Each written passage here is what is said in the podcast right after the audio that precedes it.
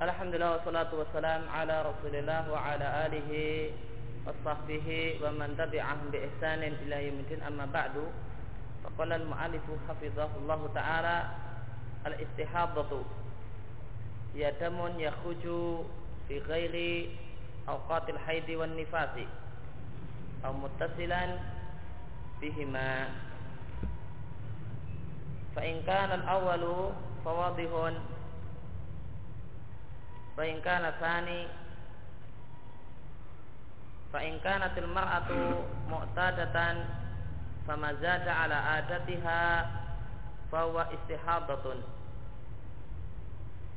لقوله صلى الله عليه وسلم لأم حبيبة أمكثي قدر ما كانت تحبسك حيضتك ثم اغتسلي وصلي استحاضة Istiadah adalah darah yang keluar bukan pada waktu keluarnya darah haid atau nifas atau bersambung dengan keduanya.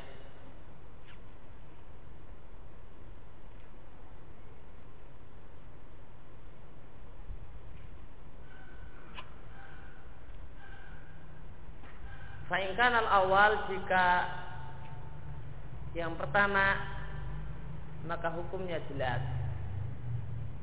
Ini waktu haid tujuh hari.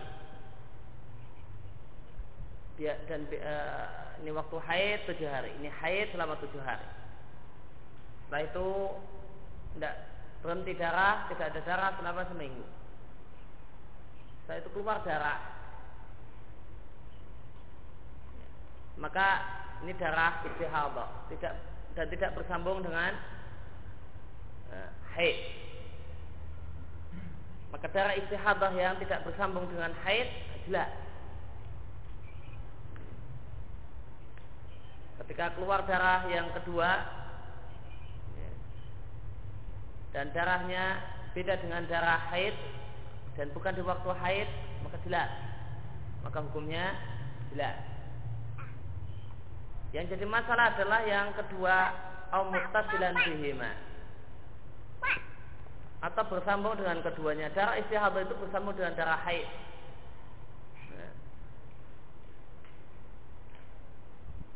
Begitu haid selesai tanpa ada jeda terus keluar darah namun itu darah istihadah. Maka ini yang yang perlu uh, perlu penelaahan. Ini darah istihadah atau darah haid. Berbeda dengan kondisi awal, kondisi yang tidak bersambung. Ya, kondisi yang tidak bersambung antara istihadah dengan haid, namun terpisah. Maka hukumnya wadih, jelas.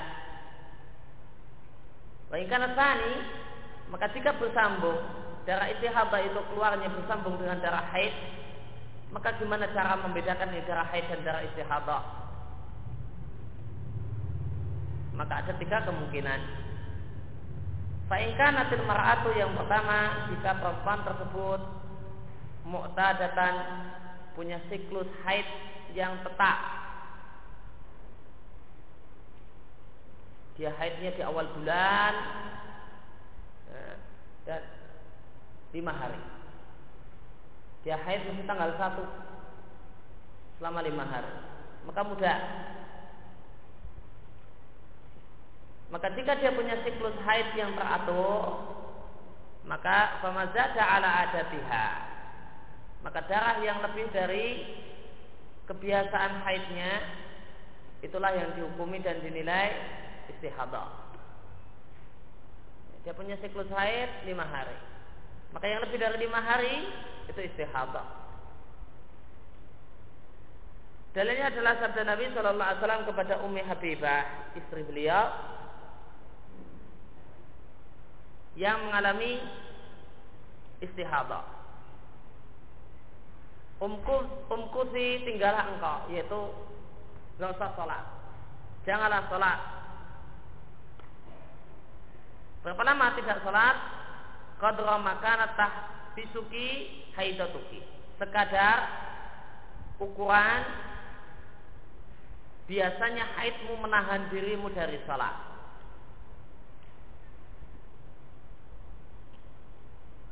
Eh, artinya sekedar eh, hari-hari engkau ditahan oleh haidmu, haidmu menahanmu dari salat.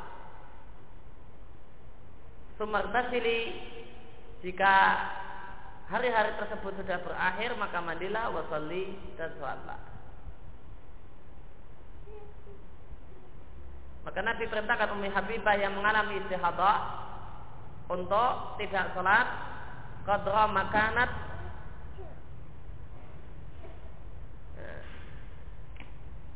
tahbisuki haidatu sekedar sebanyak hari-hari yang di hari-hari tersebut biasanya dia dihalangi oleh haidnya untuk mengerjakan sholat. Ini kemungkinan yang pertama. Kemungkinan yang kedua, jika perempuan ini tidak punya siklus haid yang paten,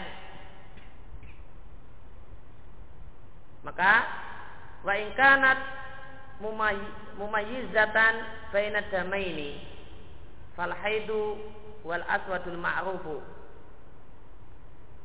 Kemungkinan yang kedua dia tidak punya siklus haid yang stabil. Akan tapi dia bisa membedakan ciri darah haid dan bukan darah haid.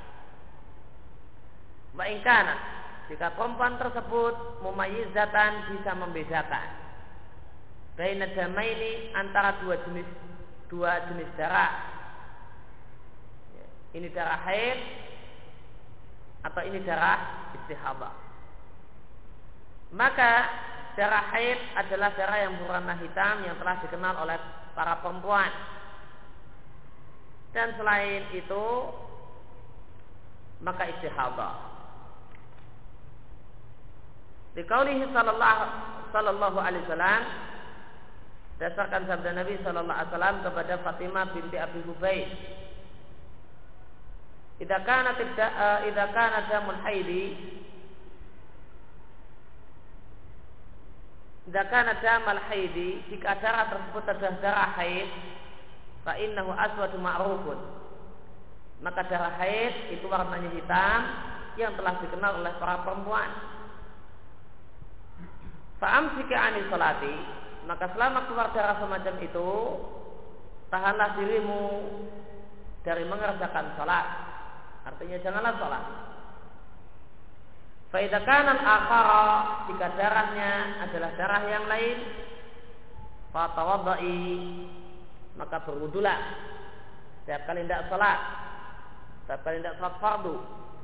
Fa inama wa irqun karena sesungguhnya uh, itu adalah darah istihadah dan darah istihadah adalah darah disebabkan urat yang pecah atau urat yang berdarah.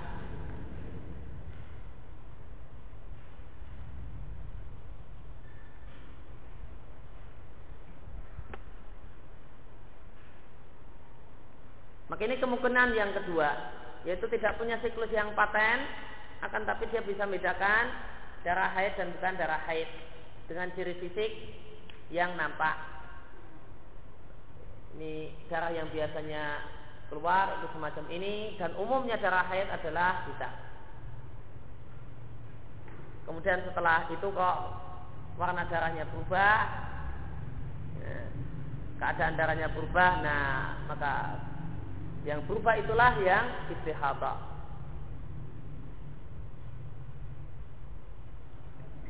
Dan di sini wanita istihadah itu punya kewajiban wudhu untuk setiap kali sholat fardu.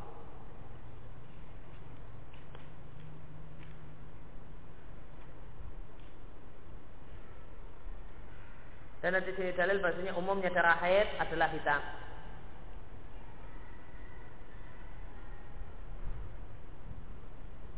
Kemudian kemungkinan yang ketiga adalah perempuan yang mengalami istihadah dan dia tidak memiliki siklus haid yang normal, yang teratur, yang paten, yang stabil, tidak pula bisa membedakan antara darah haid dan bukan dengan melihat ciri fisik darah. Fa'in balarat mustahadatun wala tastati'u tamyiza raja'at ila ghalibi adati nisa'iha. Fa'in balarat maka jika perempuan yang mengalami istihadah tersebut sampai pada tahapan tidak mampu membedakan antara darah haid dan bukan darah haid, rojaat maka adalah dia mengacu ila ghalibi adati nisaiha kepada uh, mayoritas kebiasaan wanita di keluarganya. Apakah mayoritas perempuan-perempuan di keluarganya itu haidnya selama enam hari atau tujuh hari? Milih satu dari dua ini.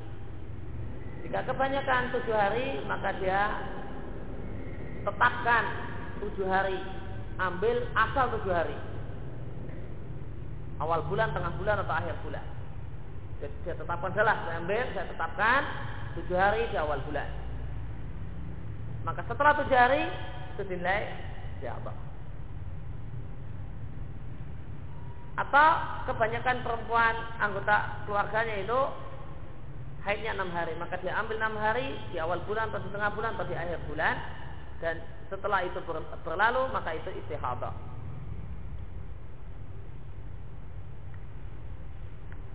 Liqaulihi sallallahu alaihi wasallam li Hamnah binti Jahsin. Dalilnya adalah sabda Nabi sallallahu alaihi wasallam kepada Hamnah binti Jahsin. Inama hadhihi raqdatun min raqadatis syaitani. Sesungguhnya ini yaitu darah istihabah adalah sepaan atau tendangan yang dilakukan oleh setan. Artinya istihabah itu adalah di antara upaya setan untuk menimbulkan was-was, kesusahan, dan kebingungan manusia atau perempuan berkaitan dengan toharahnya. Fatahidi sitata ayamin au sab'at au sab'atan fi ilmillahi. Maka adalah kau tetapkan haid selama enam hari atau tujuh hari dalam ilmu Allah. Sumartasili kemudian mandilah hatta idza ra'aiti annaki qad tahurti wastangqaiti fasalli arba'an wa isrina lailatan atau salatan wa isrina uh, wa ayyamahunna. Wa sumi fa inna dhalika yajziki wa kadzaliki faf'ali fi kulli syahrin. Kama tahidun nisa'u wa kama yataharna limiqati haidihinna wa tuhrihinna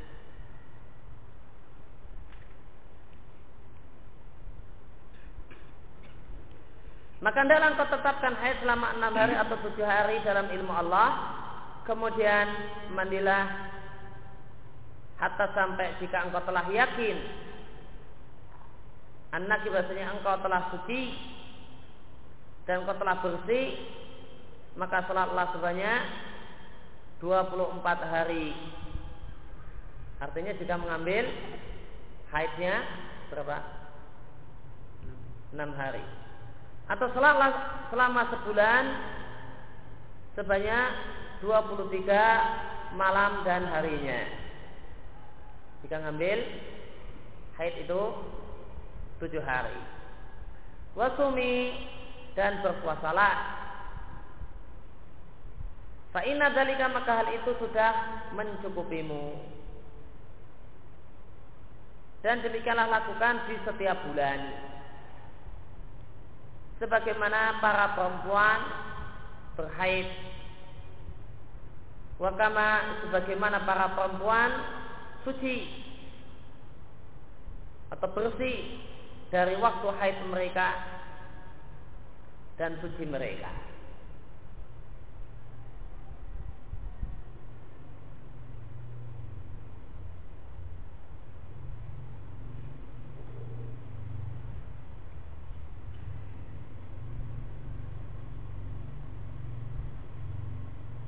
Maka berdasarkan hadis ini Para ulama fikih menyimpulkan hadis ini berlaku untuk orang yang tidak bisa melakukan tamyiz.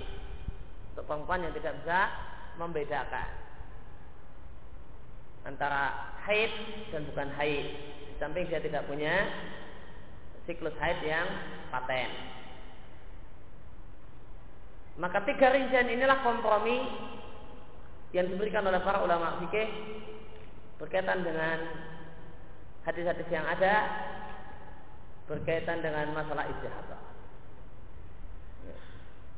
Rincian tiga rincian ini adalah kompromi. Ini adalah al-jam'u. Jam'ul baidal adillah. Karena kita, kalau kita lihat dalilnya tidak ada. Nabi mengatakan jika kamu tidak punya siklus tidak kamu ah, maka tamyiz. Jika kamu tidak punya siklus tidak punya tamyiz tidak bisa membedakan maka ambillah asal enam atau tujuh hari. Maka di hadis Hamna kita tidak dapatkan persyaratan ini berlaku jika tidak punya siklus dan tidak punya ya, tidak mampu membedakan.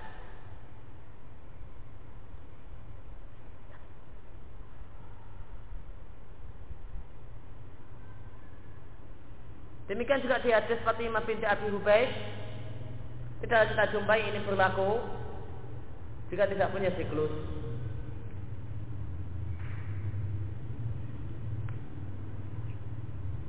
Maka kalau hadisnya menunjukkan ya eh, eh, penetapan dengan darah itu boleh jadi bagi orang yang punya siklus, boleh jadi bagi orang yang tidak punya siklus, haid yang tetap. Oleh karena itu, maka tiga rincian ini adalah al-jamu bainal adillah. Adalah kompromi yang diberikan oleh para fuqaha untuk menggabungkan dan memahami dan agar bisa memahami tiga dalil yang nampak satu dengan yang lain berbeda.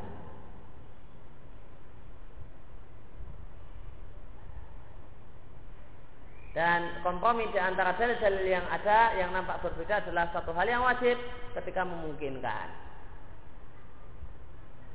Jika tidak memungkinkan baru nasr dan baru atau tarji. Memilih dalil yang lebih kuat akan tapi selama semua dalilnya itu adalah e, pada asalnya sahih dan ada kemungkinan untuk al-jam'u mungkin untuk dikompromikan tanpa e, tanpa kompromi yang dipaksakan maka maka seharusnya adalah kompromi. Akamul mustahabati ketentuan-ketentuan untuk wanita yang mengalami istihadah. La yahumu 'alal mustahadati syai'un mimma yahumu bil haidhi. Ila annahu yalzamu hal wudu'u li kulli salatin li qaulihi sallallahu alaihi wasallam li Fatimata binti Abi Hubaishin summa tawaddai li kulli salat. Wa yusanu lahal ghuslu li kulli salatin kama marra fil ihtisali al mustahabbati Tidaklah diharamkan bagi wanita yang mengalami istihadah satupun perkara-perkara yang diharamkan gara-gara haid. Namun yalzamuha menjadi kewajiban wanita istihadah untuk berwudu setiap kali sholat, yaitu sholat fardu. Bukan semua sholat. Menfukuhak mengatakan Salat di sini adalah salat fardu. Maka meskipun belum batal, misalnya maghrib, tadi sudah wudhu dan sholat dan wanita istihadah, kemudian dia duduk nunggu isya, sampai isya belum kentut, belum tidur, sudah datanglah waktu isya, maka jika dia wanita istihadah, maka dia punya kewajiban wajib wudhu lagi untuk sholatul isya. Dalilnya sabda Nabi Shallallahu Alaihi Wasallam untuk Fatimah binti Abi Hubaid. Kemudian adalah engkau berwudu likuli sholatin setiap kali sholat. Di sini ada amar, maka amar fil asal lil wujub menunjukkan hukum wajib.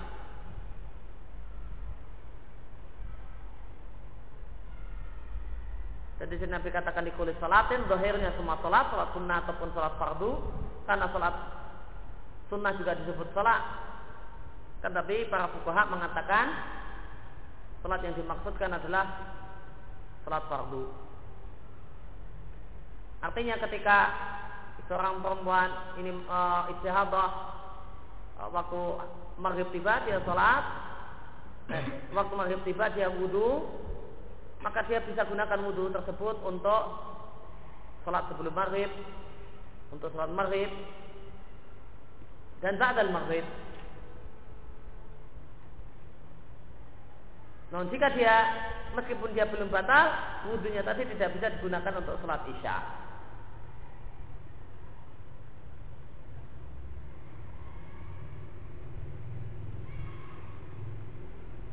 Wa hal ghuslu dan dianjurkan bagi perempuan tersebut untuk mandi setiap kali sholat. Mau sholat subuh mandi, mau sholat duhur mandi, dan seterusnya sampai isya. Dianjurkan, tidak wajib.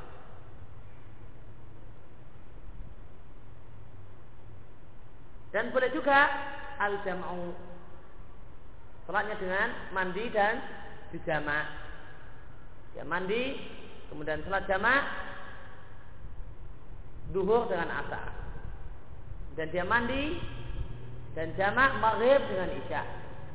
Dan mandi untuk sholat subuh.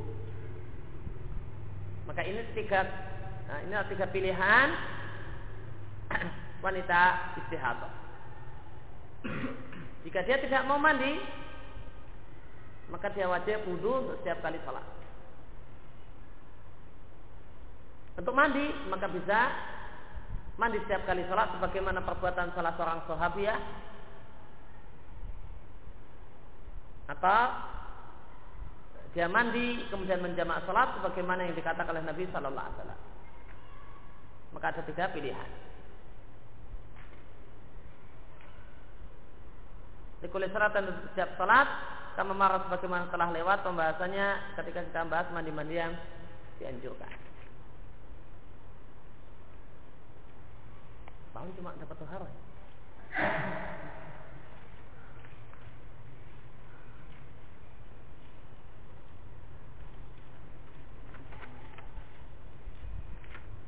Kita lanjutkan sedikit dari bab sholat.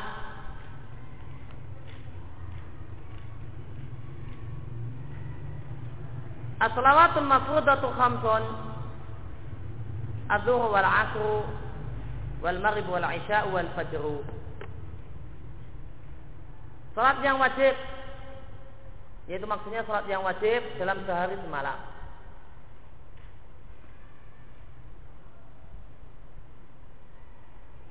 Demikian makna kalimat ini jika kita katakan salat Id itu wajib.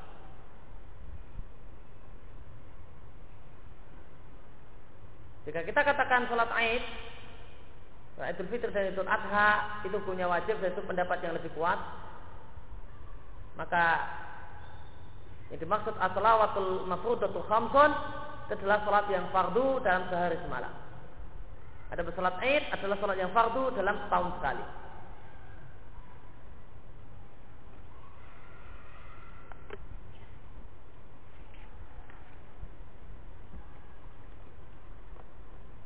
Maka salat yang fardu dalam sehari semalam tadi lima yaitu abduhu wal asru wal maghrib wal isya wal fajru.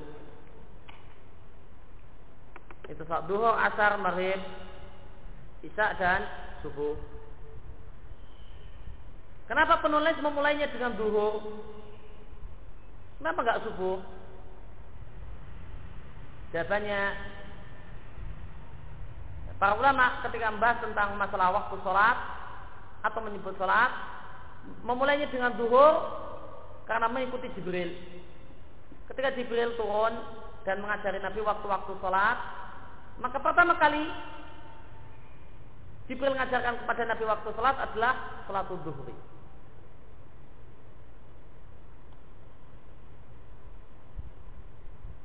Jibril sholat bersama Nabi selama dua hari.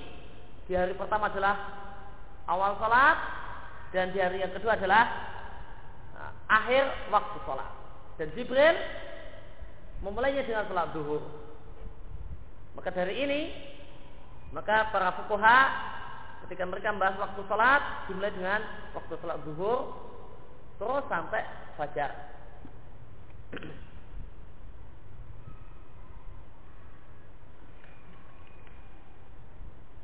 Maka sholat yang wajib dalam sehari semalam adalah lima. Inilah pendapat jumhurul fukoha.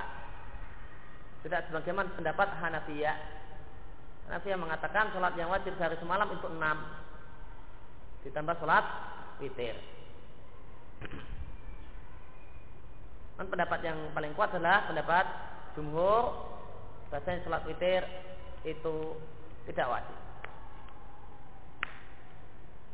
An Anas bin Malik radhiallahu anhu qala Furidat ala Nabi sallallahu alaihi wasallam as-salawatu lailatan lailata usriya bihi khamsina. Summa naqasat hatta ju'ilat khamsan.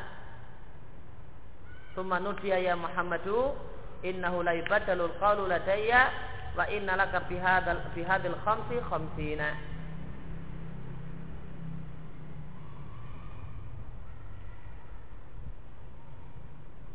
Dari Anas bin Malik radhiyallahu anhu beliau mengatakan, Furidat diwajibkan atas Nabi Shallallahu Alaihi Wasallam Salat pada malam beliau diisrakan Awalnya adalah 50 kali Salat dalam sehari semalam. Kemudian Dikurangi sehingga ditetapkan Menjadi lima. Sumanudia Kemudian Nabi dipanggil Yaitu Allah berfirman Ya Muhammad wahai Muhammad Innahu sesungguhnya Laibadalul qawlu ladayya. Keputusan di sisiku tidaklah pernah berubah. Wa innalaka oleh karena itu bi Wa innalaka bi Hadil khamsi Maka untukmu dengan lima Waktu sholat tersebut Nilainya sama dengan 50 Karena keputusan Allah tidaklah berubah. Allah menetapkan 50 kali, kemudian akhirnya lima kali, maka meskipun akhirnya lima kali, maka nilai lima, uh, nilai lima kali tersebut adalah 50 kali.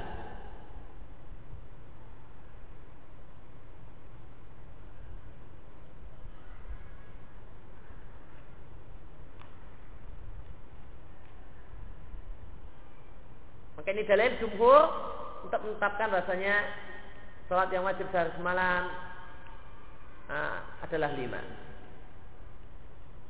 Wa antol hatta bin Ubaidillah radhiallahu anhu anak Arabian jaa ila Rasulillah sallallahu alaihi wasallam sa'ira ra'si. Dari Tolha bin Ubaidillah radhiallahu anhu dia menceritakan ada seorang Arab Badui datang pada Nabi sallallahu alaihi wasallam sa'ira ra'si dengan rambut acak-acakan. Artinya tidak bertutup kepala. Sehingga bisa diketahui acak-acakan dan tidak. Kalau bertutup kepala nggak diketahui acak-acakan apa? Tidak. Fakal Lalu Arab Badui tersebut mengatakan Wahai Rasulullah Kabarkanlah kepadaku Akbirni ma faradallah alaiya minas salati Wahai Rasulullah ini Badui yang sudah agak terdidik. Biasanya Badui kalau ketemu Nabi ya Muhammad. Itu ciri khas Badui. Ini Badui sudah agak dong. ya Rasulullah, wahai Rasulullah, akhbirni. Berilah kabar kepadaku tentang salat yang Allah wajibkan alaihi atas diriku. Qal as-salawatul khamsu ila an tatawwa syai'a.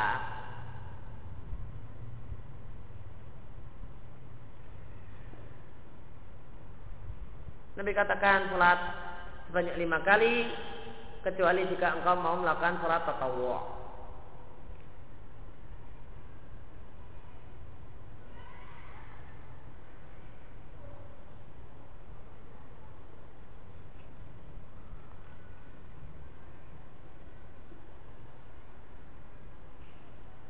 Maka ini dalil jumhur yang menunjukkan bahasa sholat yang wajib dalam sehari semalam adalah lima kali sholat.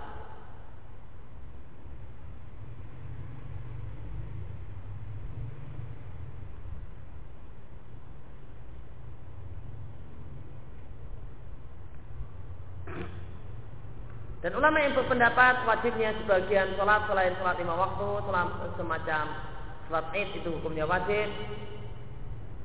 Lalu apa yang mereka katakan tentang makna ila antatawa asyaya? Maka jawabannya, menurut ulama yang mengatakan ada sholat-sholat yang wajib yang lain, maka mereka mengatakan bahasanya Tatawu itu tidak identik dengan nafilah. Tatawu itu beda dengan nafilah.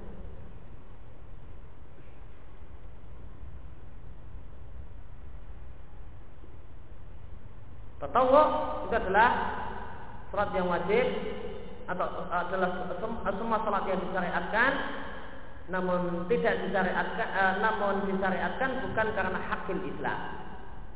Berbeda dengan salat lima waktu. Salat lima waktu adalah salat yang disyariatkan min hakil Islam. Karena keislaman seseorang. Ada salat yang lain yang itu wajib menurut sebagian ulama, maka itu wajib karena sebab tertentu. Banyak ulama yang mengatakan gerhana itu salatnya hukumnya adalah wajib. Maka mengatakan wajibnya sholat gerhana bukan karena amin hakim Islam, namun karena sebab adanya gerhana.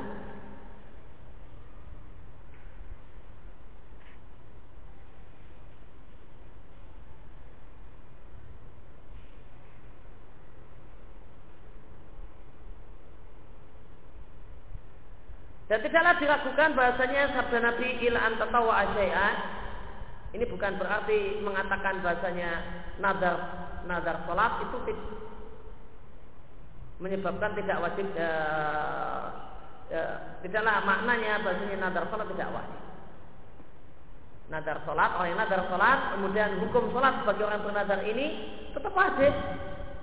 Meskipun Nabi mengatakan ila antatawa asyai'a. Maka kata-kata Nabi ila antatawa asyai'a itu tidak tercakup di dalamnya nadar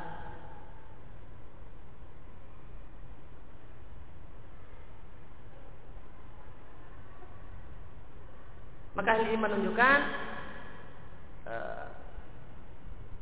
benarnya penjelasan sebagian ulama yang mengatakan bahasanya tatawu itu tidak mesti maknanya nafilah.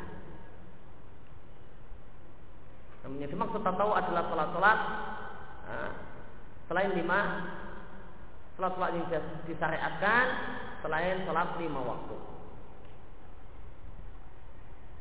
Boleh jadi hukumnya wajib, boleh jadi hukumnya mustahab.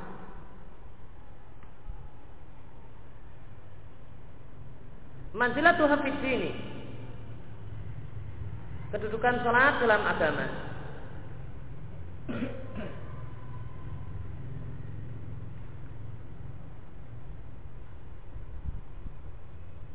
An Abdullah bin Umar radhiallahu anhu maqal dari sahabat Abdullah bin Umar radhiallahu anhu Kala Rasulullah sallallahu alaihi wasallam Rasulullah mengatakan bunyal Islamu ala khamsin Islam dibangun di atas lima tiang. Jika dia adalah bagaikan kemah, maka dia adalah bagaikan kemah yang memiliki empat tiang, eh, memiliki lima tiang, empat tiang pojok dan satu tiang tengah. Ada, ada kan tenda yang semacam itu? Ya, empat tiang pojok dan satu tiang tengah. Di atas lima perkara. Eh, syahadati di sini bisa dibaca syahadati dan bisa dibaca syahadatu. Kalau dibaca syahadati menjadi badalnya khamsin. Jika dibaca syahadatu maka jadi khobar dengan membuang mubtada.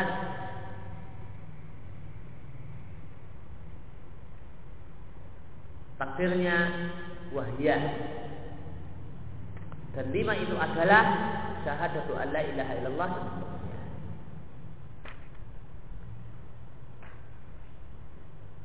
dan di atas lima perkara syahadati Allah ilaha illallah wa anna Muhammad Rasulullah. Syahadat la ilaha illallah Muhammad Rasulullah. Wa iqami salati menegakkan salat. Wa ita'iz zakati dan membayar zakat. Wa hajjil baiti dan berhaji ke al-bait yaitu Ka'bah. Wa shaumi ramadhana dan puasa Ramadan.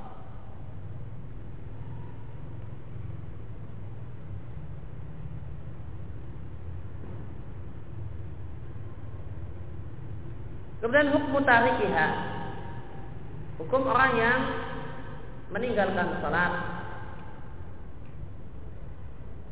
Meninggalkan salat maksudnya tidak salat.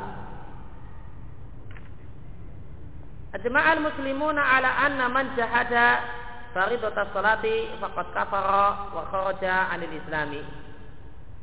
Lakin mukhtalafu fi man taraka salata ma biqadihi wujubaha.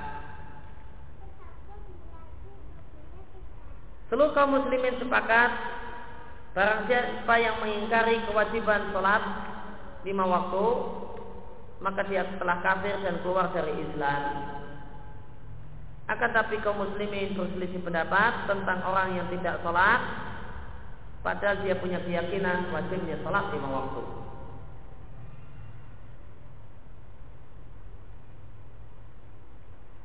Wasababul khilafi ahadisu ja'at an Rasulillah sallallahu alaihi wasallam.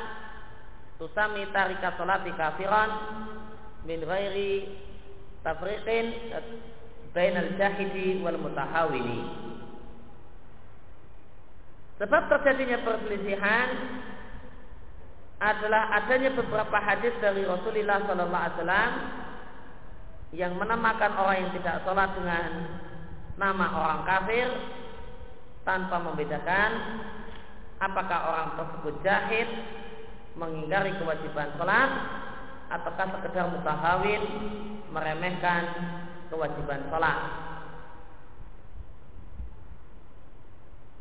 Meskipun sebenarnya yakin sholat itu wajib namun meremehkan. An Jabirin anhu qala Rasulullah sallallahu alaihi wasallam inna baina rajuli wa baina syirki wal kufri tarkan solati. Sesungguhnya dinding pembatas antara seseorang dengan kesyirikan dan kekafiran adalah meninggalkan sholat.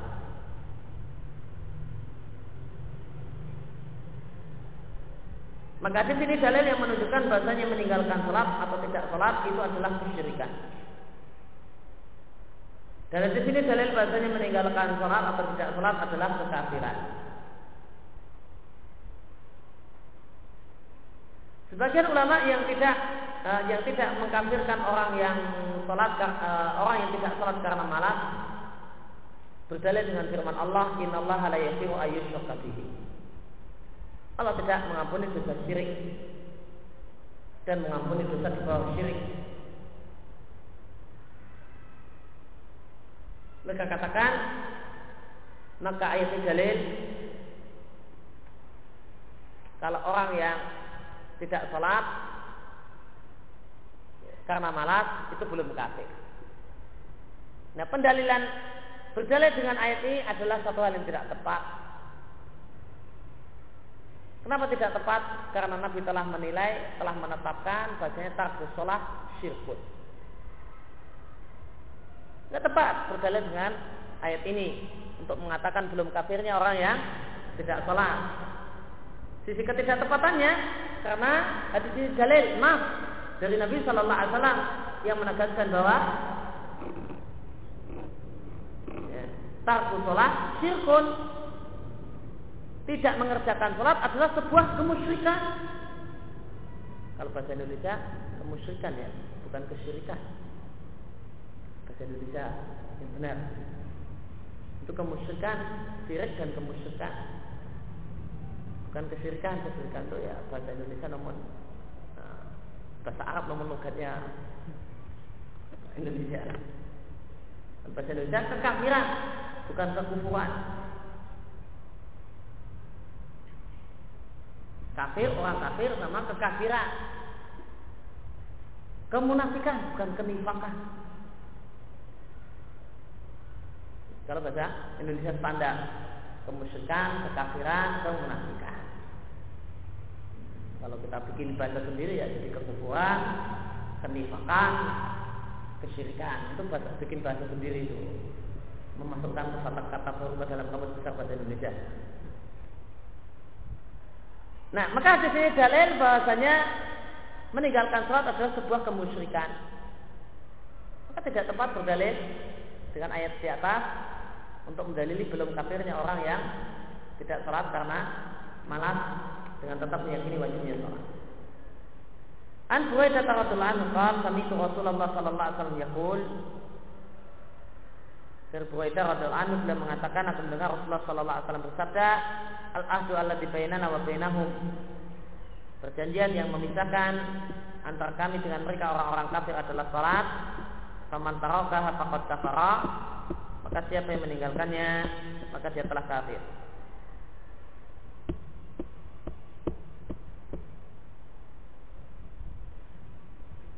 Maka kalau orang itu meninggalkan sholat karena tidak tidak yakin wajibnya sholat, maka hukumnya kafir dengan ijma, dengan konsensus dan kesepakatan kaum muslimin. Namun jika seorang itu sebenarnya meyakini sholat wajib namun karena meremehkan kewajiban dan karena malas atau alasan-alasan yang bukan alasan yang lain maka kekafirannya diperselisihkan. Dan pendapat yang dipilih oleh penulis adalah belum kafir lakin rajiha min akwalil ulama'i anal murada bil kufri huna al kufrul asgharu alladhi la yukhiju minal millati jam'an baina hadil ahadisi wa ahadisa akhara. Akan tapi yang paling kuat dari berbagai pendapat ulama bahasanya yang dimaksud dengan kekafiran di sini adalah kekafiran kecil yang tidak mengeluarkan dari agama. Di sini penulis mengatakan min akwalil ulama ini satu hal yang kurang tepat. Bahasa yang tepat adalah seharusnya rajiha min kaulai ulama.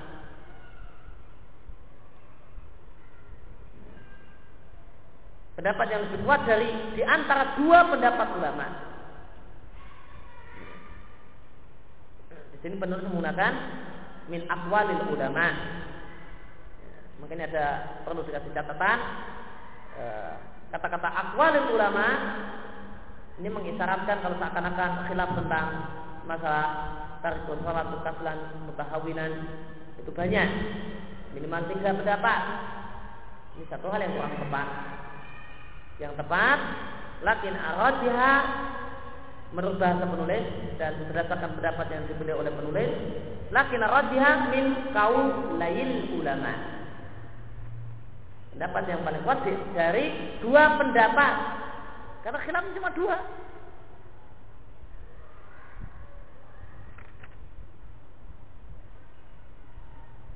Kenapa penulis memilih pendapat ini? Jam'an baina hadis ahadis dalam rangka mengkompromikan hadis-hadis di atas itu hadis Jabir dan Buraidah dengan hadis-hadis yang lain yang akan beliau sampaikan di bawah. Dan ini adalah pendapat aksarul fukoha. Tidak kafirnya orang yang e, meninggalkan sholat karena malas dan meremehkan kewajiban ini pendapat aksarul fukoha. Imam Mazhab yang tiga selain Imam Ahmad dan Imam Ahmad dalam satu salah satu pendapatnya.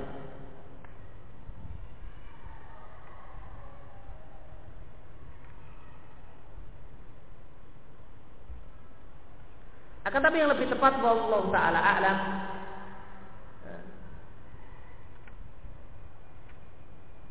Bahasanya orang yang meninggalkan sholat Tidak sholat karena malas Itu adalah kafirnya kafir Kekafiran yang besar mengeluarkan dari Islam Dan ini adalah pendapat Aksar ahli hadis Ini pendapat mayoritas ulama pakar hadis Para ulama-ulama pakar hadis mayoritasnya memilih pendapat ini. Ini adalah pendapat Imam Ahmad dalam salah satu riwayat.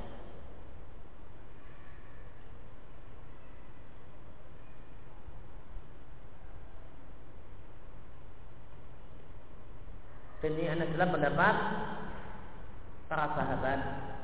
Bahkan saya mengatakan ini adalah ijma sahabat.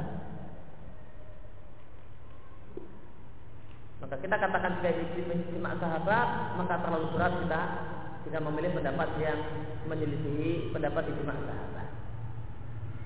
Ini adalah ijma sahabat bagaimana dikatakan oleh Ishaq bin Rabuya ya, ulama semasa dengan temannya Imam Ahmad demikian juga ditegaskan oleh Ibnu Qayyim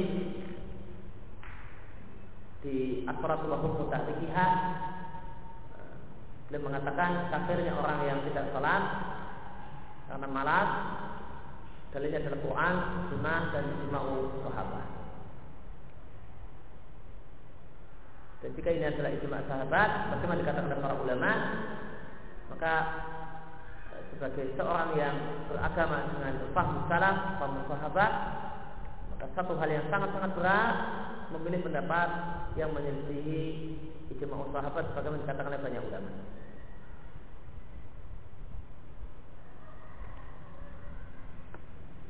Demikian juga disampaikan oleh Ibn Hazm beliau membawakan e, perkataan para sahabat Umar dan yang lainnya yang menunjukkan kafirnya orang yang tidak salat.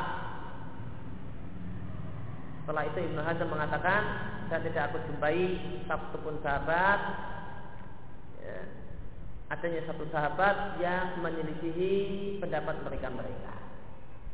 Maka riwayat dari para sahabat yang ada itu cuma riwayat yang menunjukkan kafirnya orang yang tidak salah. Tidak dijumpai riwayat dari berupa perkataan sahabat di mana sahabat tersebut berpendapat tidak kafirnya orang yang meninggalkan sholat karena malam. Maka jika demikian keadaannya maka terlalu berat dan sangat-sangat berat memilih pendapat yang tidak yang uh, menyelisih pendapat yang dinyatakan sebagai pendapat Imam Sahabat.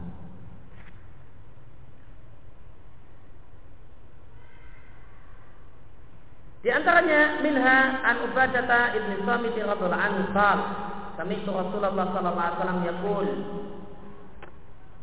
Khamsu salawatin katabahunna Allahu 'ala al-'ibadi man ata bihinna lam yudayyi minhunna syai'an istighfafan bihaqqihinna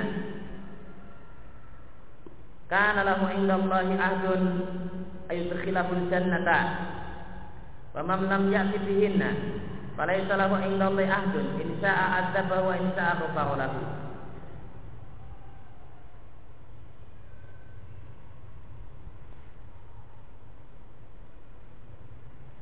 Lima sholat yang Allah wajibkan atas hamba-hambanya.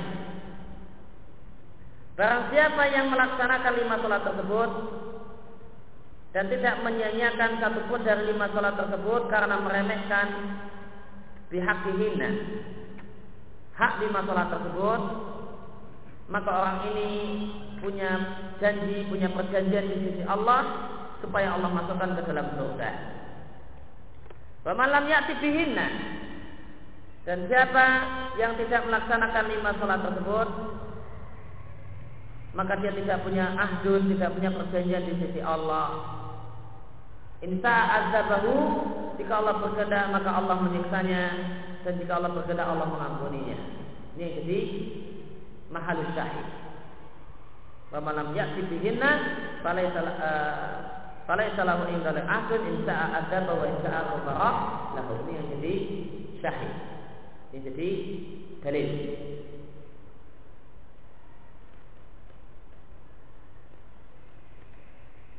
Tentang hadis ini, maka hadis ini menurut ulama yang mengkafirkan orang yang sholat, orang yang tidak sholat karena malas, semacam Islam Taimiyah, maka Syekhul Islam menjelaskan hadis ini dengan uh,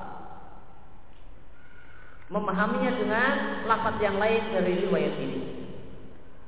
Di sini punya lafaz yang lain, di dalam uh, dalam dalam uh, lafaz yang muslim.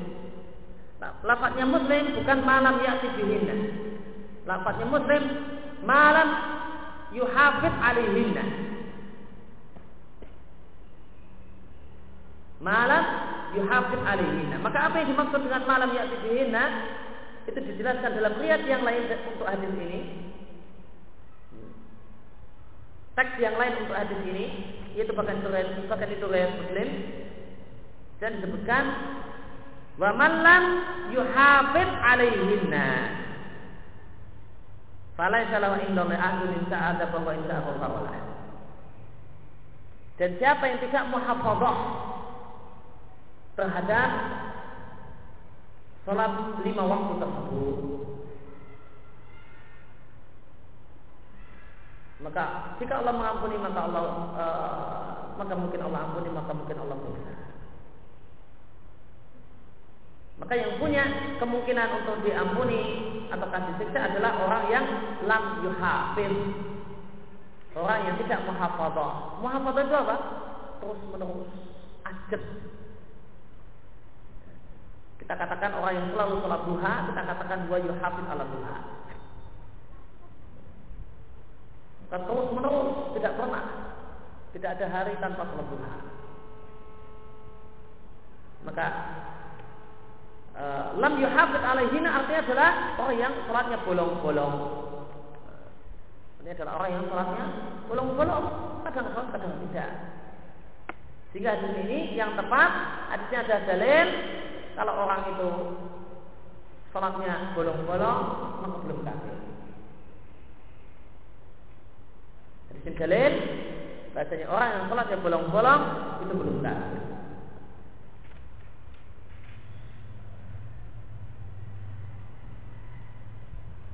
Adapun ulama yang me, me, e, menyatakan yang dalil tidak kafir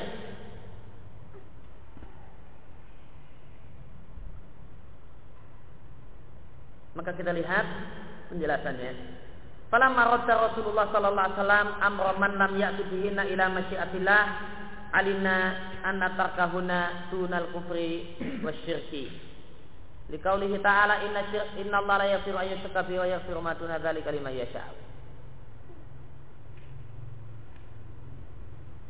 Tatkala Rasulullah sallallahu alaihi wasallam mengembalikan status orang yang tidak melaksanakan lima sholat tersebut, Allah kembalikan kepada kehendak Allah, yaitu terserah Allah, diampuni atau kasih siksa, maka kita yakin, kita tahu bahasanya meninggalkan lima sholat itu belum sampai derajat kekafiran dan kesyirikan ya.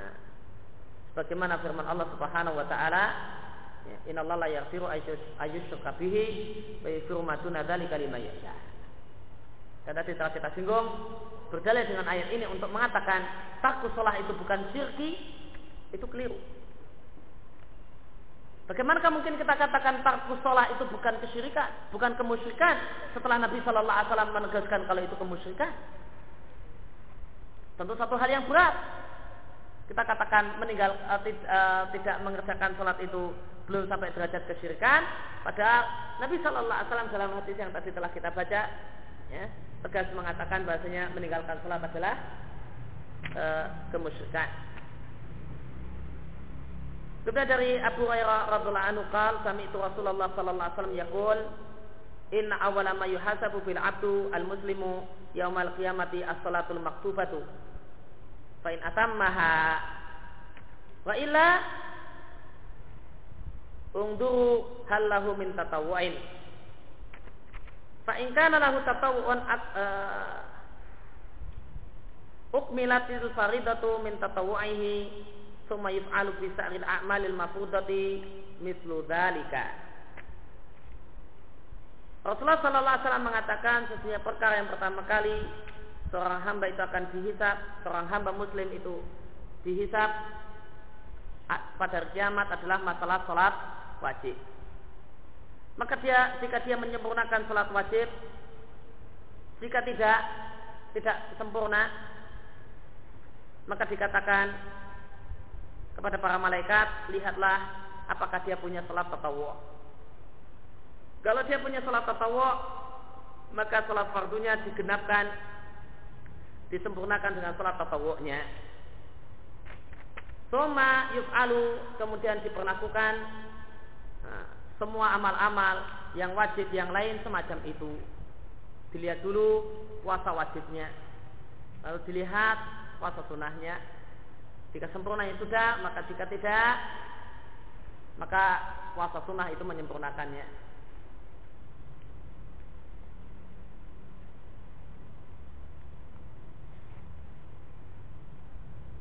Maka Nabi menyebutkan di sini keadaan seorang hamba pada saat dihisab pada hari kiamat ada yang sholat. Ada yang sholatnya sempurna dan ada yang sholatnya tidak sempurna alias nafitoh.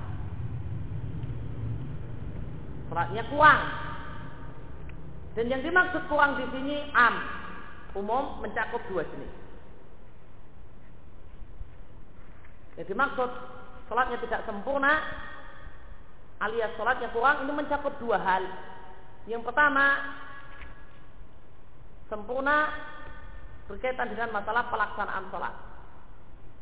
Khusuknya dan yang lain.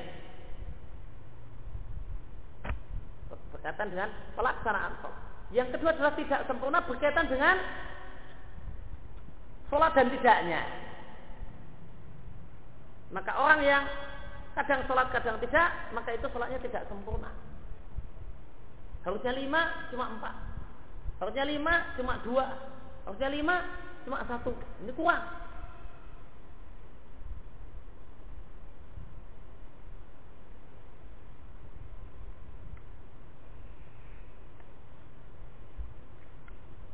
Oleh karena itu maka tidak tepat berjalan dengan hadis ini untuk mengatakan tidak kafirnya orang yang tidak sholat. Karena hadis ini cuma menunjukkan tidak kafirnya orang yang tidak sempurna sholatnya. Hadis ini cuma menunjukkan tidak kafirnya orang yang tidak sempurna sholatnya. Dia punya sholat sunnah, maka sholat sunnahnya itu akan menutupi. Hadis ini tidak menunjukkan tidak kafirnya orang yang tidak sholat. Dan tidak kafirnya orang yang tidak sempurna sholatnya. Artinya yang sholatnya bolong-bolong. Di sini dalil orang yang sholatnya bolong-bolong belum kafir. Jika kita maknai tidak sempurna dengan makna yang kedua. Namun sama sekali tidak cocok dan tidak tepat jika ini jadikan dalil. Nah, tidak kafirnya orang yang tidak sholat sama sekali. Tidak, di, tidak bisa dikatakan tidak sempurna. Tidak ada. Orang yang tidak pernah sholat itu tidak ada sholatnya. Masa kita katakan orang ini sholatnya tidak sempurna? Ya namanya tidak sempurna itu artinya ada, namun nggak genep. Ada namun nggak lengkap. Itu nggak sempurna. Ada pun yang tidak ada sama sekali, tidak bisa dikatakan tidak sempurna, nggak genep atau kurang. Ya. Ini demikian yang kita pada kesempatan sore hari ini. Wassalamualaikum warahmatullahi wabarakatuh. Wassalamualaikum warahmatullahi wabarakatuh. Alhamdulillahirabbil alamin.